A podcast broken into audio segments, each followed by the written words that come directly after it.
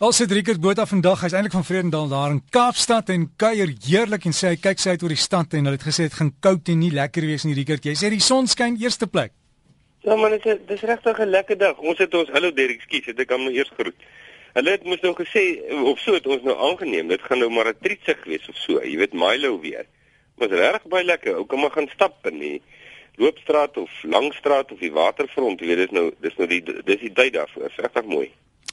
Rickert vandag praat ons oor skellery. Ek ek het ek het in die week was ek was ek gaan in die gimnasium en toe toe iemand daar probeer hulle vriende inkry en toe die persoon wat nou daar werk vir hulle sê nee, julle kan nie, julle moet lidmaatskap wees of of lidmaatskapkaartjies hê. Het hierdie jong, ek skat die, die meisie so 14 jaar oud, het sy daar losgetrek. Rickert moet sy vloek.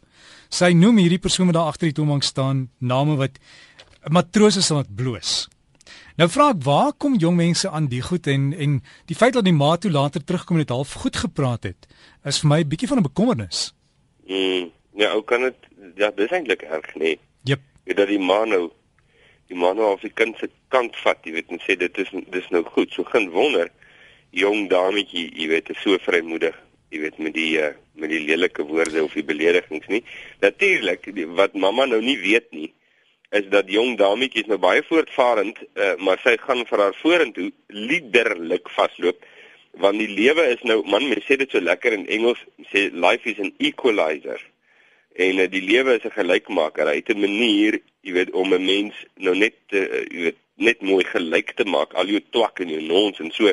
Wat mamma nou eintlik met dogtertjie doen is sy maak haar groot vir een lekker ongeluk vorentoe. En dit is baie onwys en baie liefdeloos jy weet so uh 'n goeie gesprek. Kyk, ek kom uh Derek uit uit um, ek was nou die laaste 12 jaar hier in die begin van die Namakoland, né? En um en en baie van veral dieper in Namakoland is dit nou half die streekstaal om te vloek. Uh, jy weet, dit is so half eie. Hulle doen dit so half natuurlik. En baie mense sal sê, jy weet, enigiemand as iemand vloek sal hulle sê lelik, maar as Namakolanders vloek dan voel dit so half natuurlik. Jy weet dit regtig. En baie mense reageer so. Toe het ek nou eendag ietsie gesê daaroor, jy weet oor mense wat so vloek en toe het 'n oom my nou gebel en gesê man kykie, jy's 'n inkomer hierso. En uh, dis ons streekstaal en dit is ons mense en die kultuur en alles en alles. Toe het ek nou mooi geluister en verstaan nou die oom voel jy weet hy voel nou gebel. Hy's nou geafronteer. Hy's um, hy voel beledig. Hy voel uit aanstoot geneem en uh, en so mense maar versigtig getrap. So ek het nou baie mooi vir die oom gesê ek's nou baie jammer, ek het nou nie bedoel om hom nou aanstoot of so te gee nie of sy identiteit te bevraagteken nie. Uh maar ek wil sy argument miskien net ietsie oor sê en dit is ek sal aanvaar dat dit uh, heeltemal gaaf is om so te praat, streekstaal en alles as hy my sal toelaat om in sy gemeente, in sy kerk, in sy streekstaal te preek en toe die oom die gesprek net daar gestop. Nou, is dit baie snaaks, nê? Nee, hoe hoekom sal jy dis dis nou reg en als nie verdedig dit met groot van vare? Maar nou nee, en dan skielik is daar hierdie insident wat dit nou nie meer aanvaarbaar is nie. So as ek nou net dink, ek dink nou nie eers geestelik nie. Jy weet, dit kom praat nou net die gemeenskap, die wêreld daar buite, dan word mense geleer dat as jy opgevoed is, vloek jy nie, praat jy nie lelik nie. So hoe minder opgevoed jy is, hoe meer vloek jy. Is die afleiding wat gemaak word. So ons leer ons kinders, leer mense om mooi te praat. So die die die top, jy weet, strukture van opvoeding, sê nou maar die ouens die elite daar bo, jy weet, dis vir hulle dis baie gestel op die woorde wat hulle gebruik en hulle sal nou ook sê 'n mens vloek weens 'n gebrek aan woordeskat. Nou, weet daar klop goed daaroor, maar wat ons eintlik met daarmee sê is dit is baie duidelik, dit is almal weet, dis ehm um, dis onguur.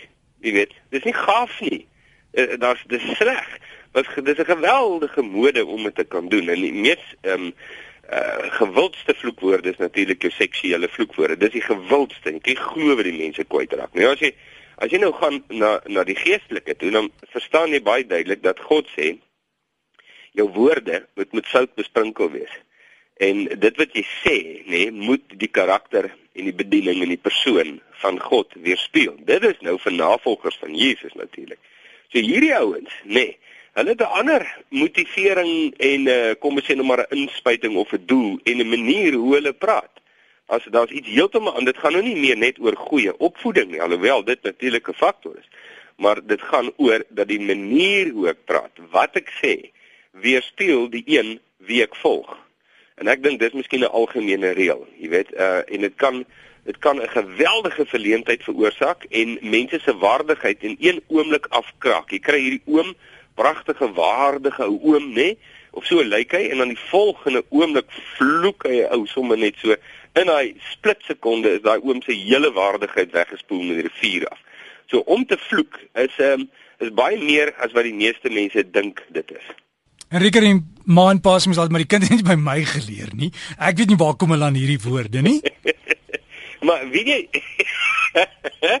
kyk jy nou raak nou trap jy baie na by die huis want ehm um, ek uh, een van my seuns gaan nou nie sê wat een nie het het eendag met hierdie verskriklike vloekwoord by sy maat aangekom en vir hom gesê hy weet wat dit beteken en toe nou die neergaande hand sein ook nou vir hom kon demonstreer wel die kind se ma weet waar leer haar kind dit? En sy sê by die dominee se seun verstaan jy ek bedoel wat 'n uh, jeug. En en toe ek nou na die tyd vra en ek sê maak hulle nou sit maar hulle was klein Derek hoor. Ek bedoel klein. Twee drie bakstene hoog. En toe ek nou vir hulle vra hoorie ouens ehm um, julle gaan nou nie gestraf raak nie maar nou nie bekommer nie so daar's nie 'n vreesfaktor nou nie sê net vir my wat uh, waar leer julle dit En toe kom dit uit en sê oh, pappa dit eh, in die flieks. Jy weet die films en selfs van die onskuldige goed wat 'n ou kyk baie keer, jy besef nie. Jy weet in in hulle hulle vloek en hulle gaan te keer en jy besef jy daai kinders suig dit op soos 'n spons. So dit was bietjie vir ons, eh, jy weet 'n eye opener, nou 'n goeie ene. Ja, ons absorbeer dit en snaaks, jy weet in die die natuur van 'n mens is van so aard direk dat die goeie wat jy hom wil leer, nê, nee, vat vreeslik lank en 'n geweldige klomp ywer en moeite, jy weet nou, nou iets goed te leer, maar die slegte goed, die ongure goed, jy weet, leer hulle dit vat net 2 sekondes en dan hulle dit bemeester. Snaaks, nê, dat in dat die mens se natuur so ingestel is. Is ook sommer vir ons 'n les, uh, jy weet, daar's 'n groot diep geestelike waarheid ook daarin. Ek het daar's 'n verskil wanneer mense vloek soos 'n kind nou wat wat vloek want hy het iewers gehoor. Hulle weet nie werklik wat dit beteken nie. Wanneer jy weet wat dit beteken en wanneer jy dit op iemand letterlik afdwing want jy wil hulle beledig. Ja, jy sien, nou ja, daar kom die karakter daarvan ons nou baie goed na vore. Jy weet ek het ek onthou jare terug ehm um, toe ons in die weermag was. Jy weet dit mense gevloek uit minderwaardigheid uit. Ehm um, want as jy vloek byvoorbeeld dan dan klink jy asof jy weet waarvan jy praat. Verstaan jy? Jy jong en jy praat. So ou sal 'n storieetjie vertel, sê nou maar van sy ouma wat brood gebak het. Sê nou maar, nê. Nee. Uh en maar ek sê daar's meer vloekwoorde as brood in daai storie want dit maak daai storie dit gee vir hom 'n bietjie lyf.